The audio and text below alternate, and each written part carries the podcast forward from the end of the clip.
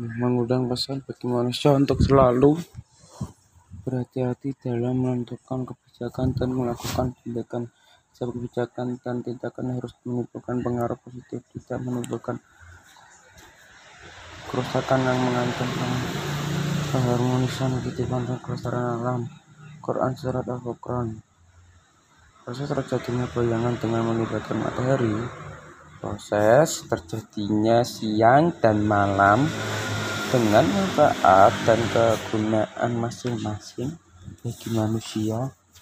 Bertiupnya angin yang mengiring awan proses terjadinya hujan yang menghidupkan tanah-tanah gesang juga memberikan kehidupan bagi tanaman dan binatang ternak manusia.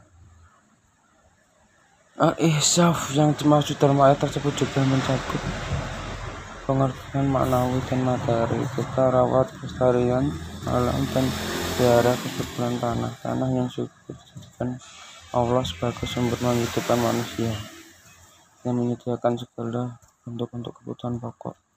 Tanah yang subur seperti halnya keluarga yang baik insya Allah akan menghasilkan keturunan yang berkepribadian baik. Sementara keluarga dengan kondisi lingkungan tidak baik akan menciptakan generasi yang merana tidak ada satu perbuatan pun yang diwajibkan Allah atas yang tidak memiliki hikmah dan tujuan.